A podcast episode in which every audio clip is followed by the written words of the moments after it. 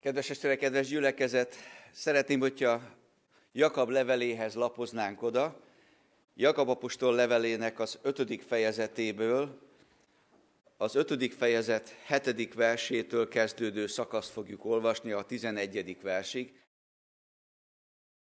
Legyetek tehát türelemmel, testvéreim, az Úr eljöveteléig. Íme a földművelő várja a föld drága gyümölcsét, és türelmesen várja, amíg az korai és késői esőt kap. Legyetek tehát ti is türelemmel, és erősítsétek meg a szíveteket, mert az Úr eljövetele közel van. Ne panaszkodjatok, testvéreim, egymásra, hogy el ne ítéltessetek. Íme a bíró az ajtó előtt áll. Vegyetek példát, testvéreim, a szenvedésben és a türelemben a profétákról, akik az Úr nevében szóltak. Íme boldognak mondjuk azokat, akik tűrni tudtak a szenvedésekben.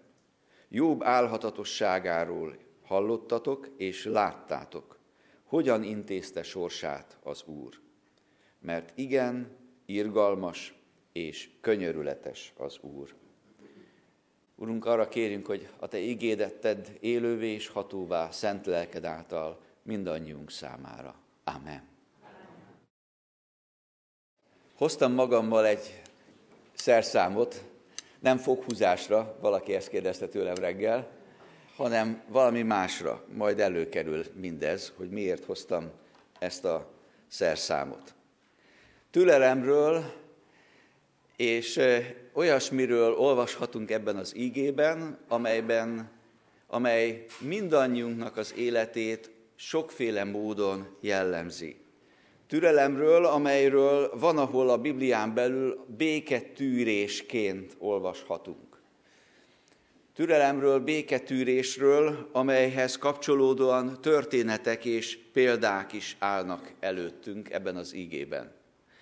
Az egyik példa Jobb, akinek eh, Isten megengedte az ő életében azokat a rettenetes nehézségeket a nagy magasság után, azt a fajta mélységet, amelyben szinte mindent elvesztett, és mégis béketűrő tudott lenni, békén tűrte ezt, az Istennel való kapcsolatában eh, megmaradva, békességgel tűrte azokat a nehézségeket és azokat a szenvedéseket, amelyek alakultak az életében, és Isten aztán átvezette, túlvezette ezeken őt.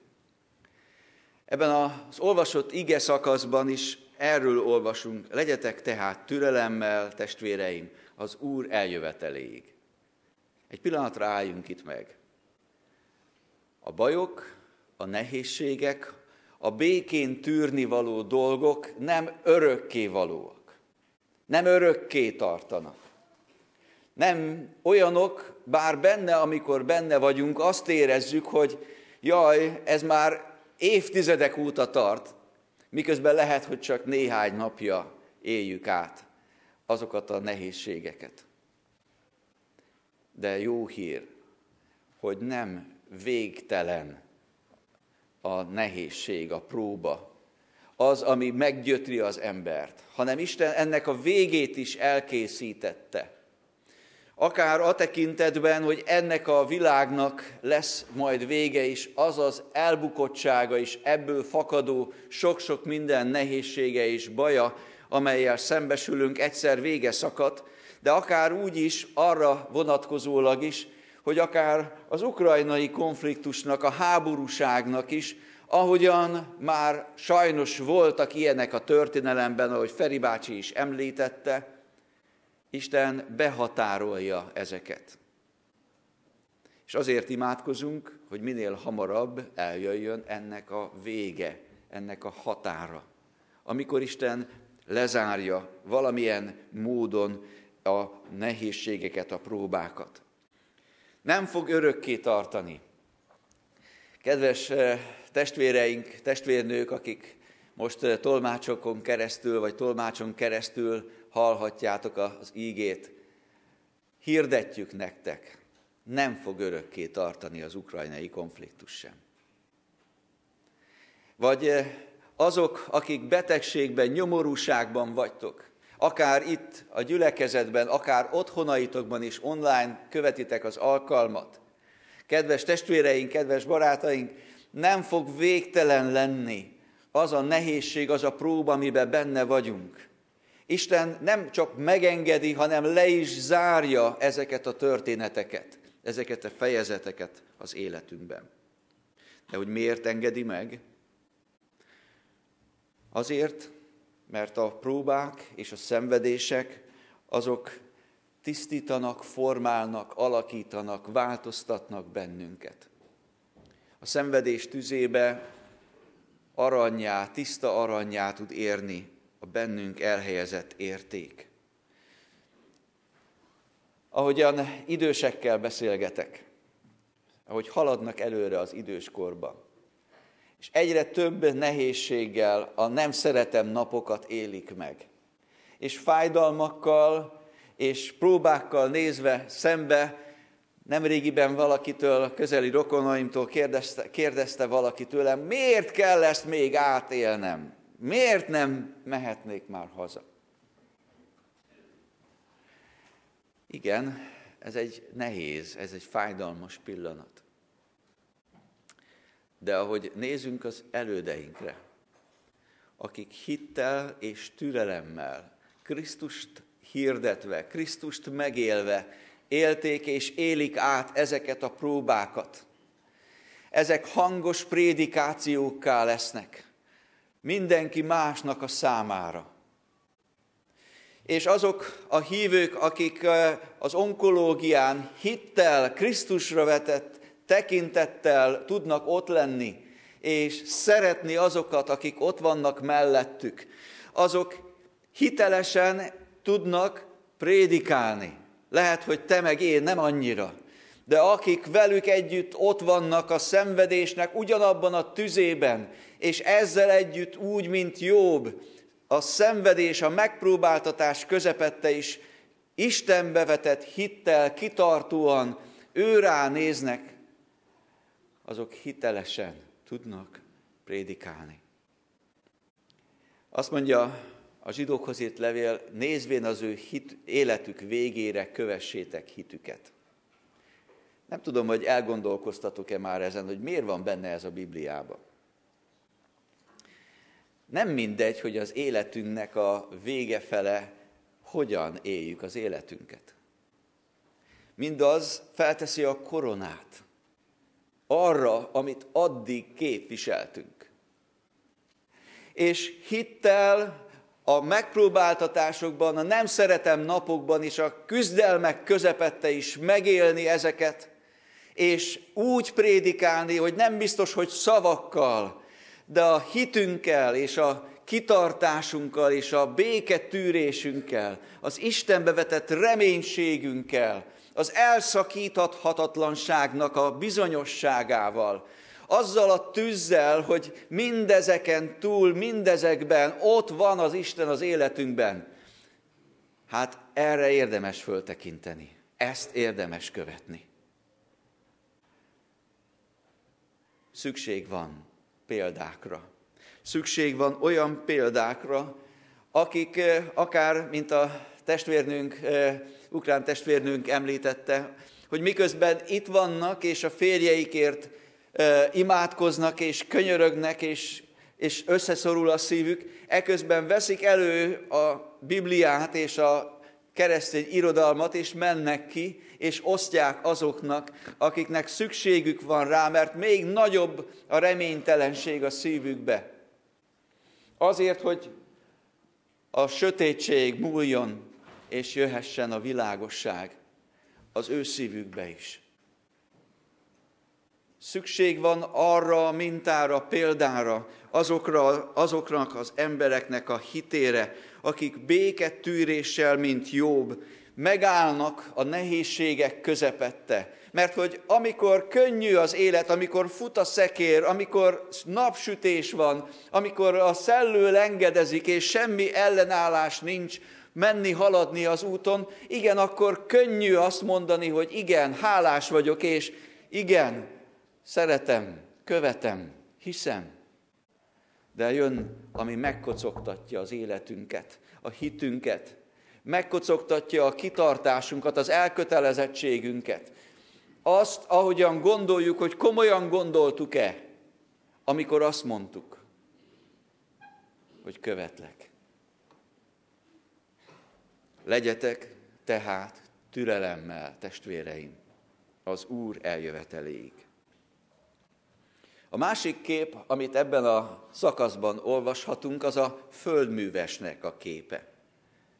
A földműves, aki türelemmel várja, türelmesen várja azt, ahogyan majd a növény sarjad, növekszik, gyümölcsöt hoz, és a gyümölcs beérik. Türelemre van szükség. El kell, hogy mondjam, hogy én nem voltam nagyon türelmes ember. Vagy inkább azt mondom, hogy sokkal kevésbé voltam türelmes ember, ahogyan felnőttem. És sokszor-sokszor Isten megállított ebben. Mert a türelemnek, illetve a türelmetlenségnek sokféle formája van. Nem csak, amit itt a földművelőnél láthatunk, ilyen fizikai módon, hanem akkor is, amikor esetleg magunkhoz, egymáshoz, ne talántán Istenhez való viszonyunkban vagyunk türelmetlenek. Miért vagyok még mindig olyan, amilyen? Vagy a másik, hányszor elmondtam már neki, és még mindig nem csinálja úgy, ahogyan elmondtam neki. Azt várnám, hogy olyanná alakuljon, amilyen ő is akar, hogy legyen, és még mindig nem tartott türelmetlen, türelmetlenség sokféle módon megjelenik az életünkben. Önmagunkhoz, egymáshoz, ne talántán az Istenhez is. Türelem kell, kedves testvéreim, ahhoz a formálódáshoz, amit a Biblia úgy nevez, hogy megszentelődés.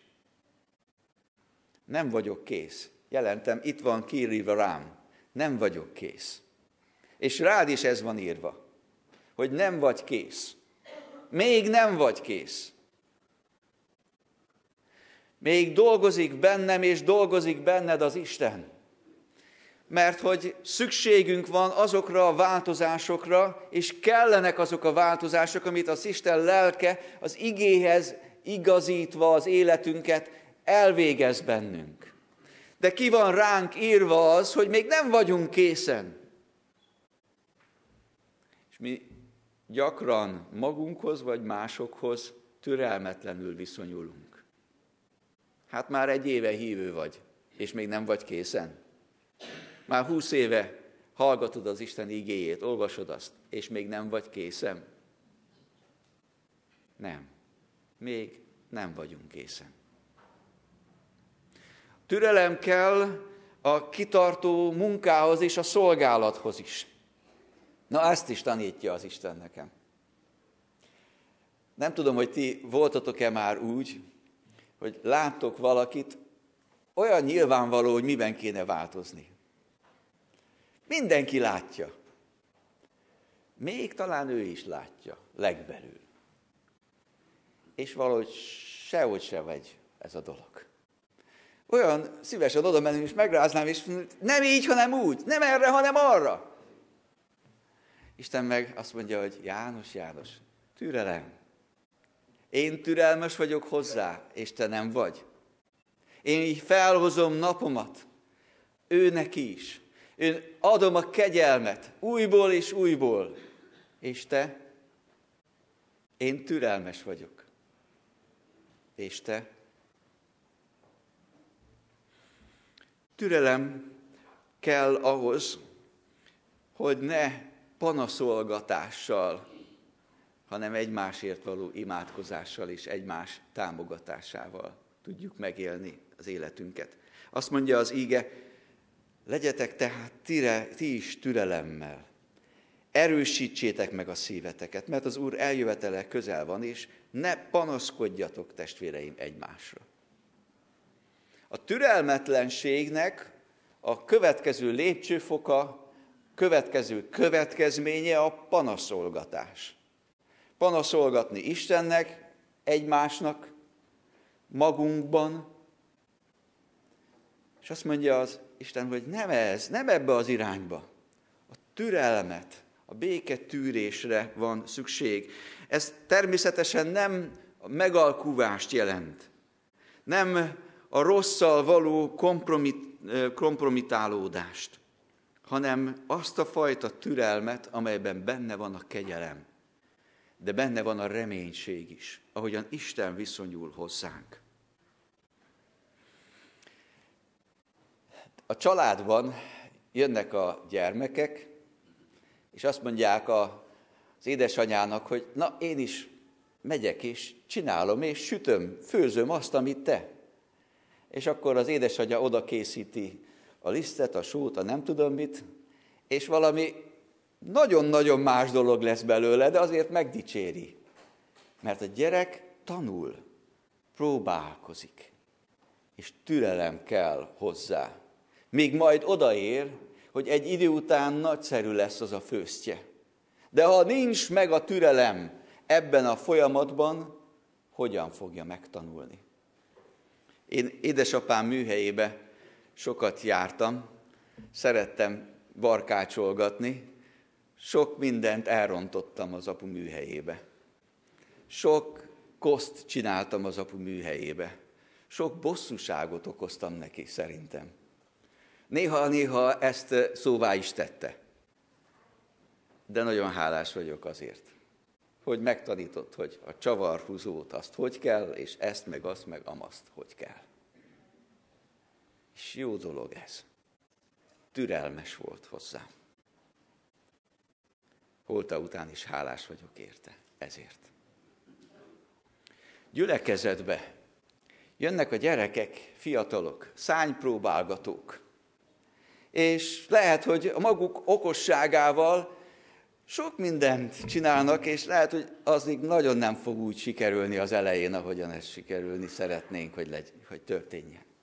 Elrontanak valamit, nem úgy csinálják, nem érthető, nem találják el azt, amit kellene. Hogy reagálunk, testvérek? Tudunk-e türelmesek lenni a következő generációk szány próbálgatásaival? Lehet, hogy egészen másképpen fogják csinálni a dolgokat. De ha nem vagyunk türelmesek hozzájuk, akkor hogy fog fejlődni bennük az Istenbe vetett hit, és az a szolgálat, amire ő elhívta őket. A földműves türelmes. Türelmesen várja, hogy beérjen a gabona, beérjen a gyümölcs. És félkészet nem teszi félre. A lassabban fejlődőt nem húzza ki. Türelmesen várja, míg beérik. Beérik a gabona. Azt is látszik, hogy az is látszik, hogy a türelmetlenség az rombol, az leépít. Hogyha türelmetlenek vagyunk, akkor az meggátolja azt, hogy valami fejlődés, valami előrehaladás történhessen. Ahogyan a földművelő is, ha türelmetlen, azzal nem tudja előrevinni, gyorsítani a növénynek a fejlődését. Maximum meggátolni azt. És azt is látnunk kell, hogy mindez, a türelem, az nem valami fajta emberi, pusztán emberi tulajdonság. Némelyek úgy alapból türelmesebb emberek. Mások alapból türelmetlenebb emberek. Vannak ilyenek, meg olyanok. De nem arról beszél az ige, hogy valakiket meg akar dicsérni most azért, mert ilyen természetű emberek. Hanem arról beszél az Isten igéje, hogy a Szentlélek által a lélek gyümölcséként, a negyedik gyümölcseként olvasunk a szeretet, öröm, békesség, türelem. A lélek negy, gyümölcsének negyedik gerezgyeként születhet meg bennünk a türelem. Isten munkája ezt. Isten munkája azt, hogy helyesen ott legyen az életünkben. A Szentlélek Isten tud segíteni bennünk, akár türelmes típusúak vagyunk, akár türelmetlen típusúak vagyunk, akár gyorsak, akár lassabbak vagyunk. Nem ez a kérdés, hanem az, hogy abból a pontból, ahol vagyok, az Isten szent lelke által ő tud változtatni olyanná, amilyennél lennem kell. És akkor elérkezünk a harapófogóhoz. A harapófogó olyan, hogy nem jó az ujjamat közé tenni és összeszorítani. Mert nem erre van, és az kellemetlen lenne.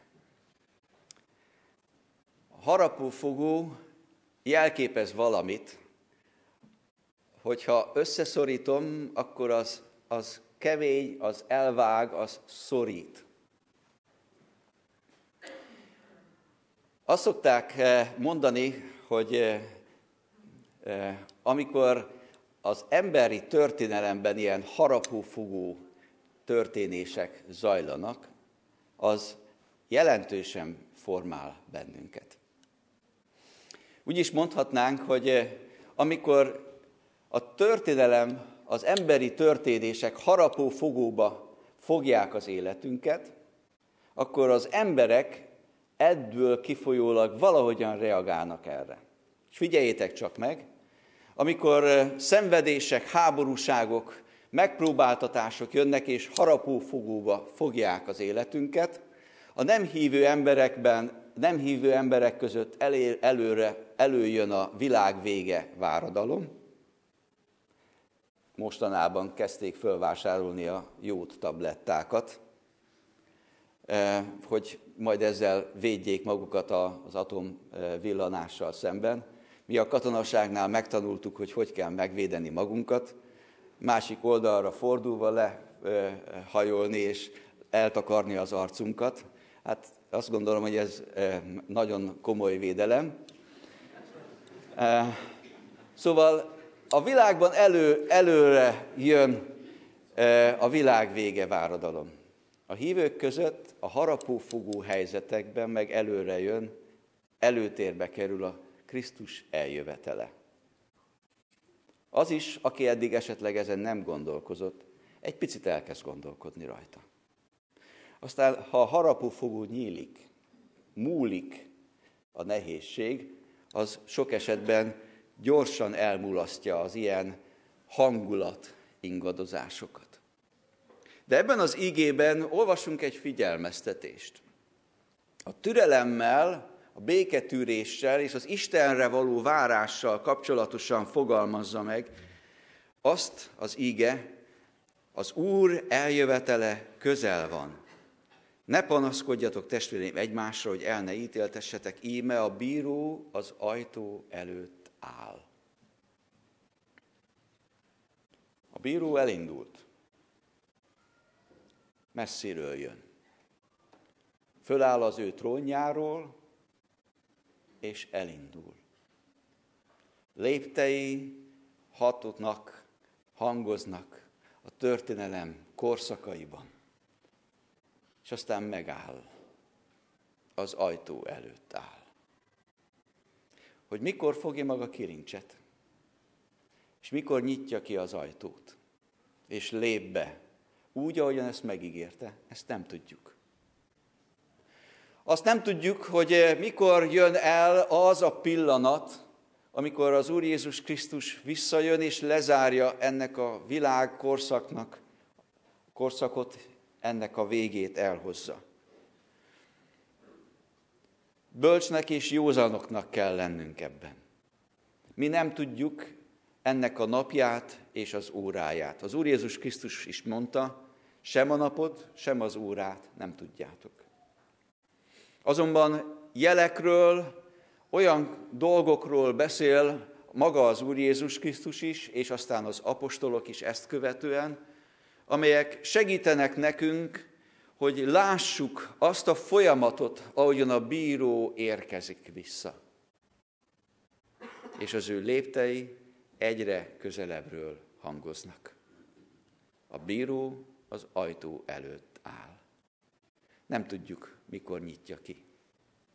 Lehet, hogy ma, lehet, hogy holnap, lehet, hogy sokkal később. Nem tudjuk. De azt tudjuk, hogy a jelek alapján azoknak a harapófogó helyzeteknek a nyomán, amiben benne vagyunk, és amelyek átjárják és átfogják ezt a világot, mindez azt mutatja, egyre közelebb van annak a napja, amikor vele, vele nézhetünk szembe, mert kinyitja az ajtót, és beköszön. Megállíthatatlanul. Úgy, ahogyan ő akarja. Akkor, amikor ő akarja. Éppen ezért, testvéreim, legyetek tehát türelemmel. Éppen ezért, testvéreim, legyünk türelemmel magunkhoz, egymáshoz, Isten munkáját lássuk mindebben. Nem panaszolkodva, hanem türelmesen és mellette való kitartással, hűséggel álljunk meg mind abban, amelyre Isten hívott el bennünket. Az Úr eljöveteléig, mert hogy a történelemnek nem csupán kezdete, nem csupán nehézségei és próbái vannak, hanem majd vége is, ami az Isten kezében van, és amelyben remény, amelyre mi reménységgel tekinthetünk előre, mert a bíró az nem idegen számunkra. Mert eh, Jézus Krisztusban közel jött hozzánk, és egy nap arról beszélt, íme az ajtó előtt állok és zörgetek.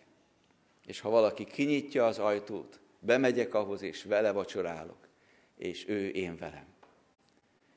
Az Úr Jézus Krisztus eljött és belépett az életünkbe, és ettől kezdve számunkra nem idegen a menny, számunkra otthon a menny, számunkra nem idegen a bíró, hanem kedves valaki, aki a mi édes atyánk, akivel úgy találkozhatunk, mint aki, amit már réges-régen vártunk. Én nem tudom, milyenek lesznek majd azok a találkozások, amikor azok az édesanyák és gyermekek, akik most elmenekültek Ukrajnából, átölelhetik a férjeiket, akikért remegve imádkoztak. De hogy könnyes lesz, és boldog, biztos vagyok. Én nem tudom, milyen lesz az a pillanat, az a nap, amikor a bíró belép, és amikor minden más elenyészik, csak ő lesz, és mi. Csak ő lesz, és te. De könnyes és boldog lesz. Miért? Mert befogadtad Krisztust, és vele éltél. És hadd szóljak azokhoz, akik talán még nem így tekintenek erre, akik felé szeretettel és türelemmel hirdetjük most is az Isten evangéliumát, hogy szeret az Úr, és magához szeretne ő. Azért, hogy követhessd őt. Azért, hogy ne idegen legyen az, aki megérkezik, hanem hazaérkezhess, bárhogy is történik. Fogadd őt a szívedbe most hogy örökké otthonod legyen az Isten. Amen.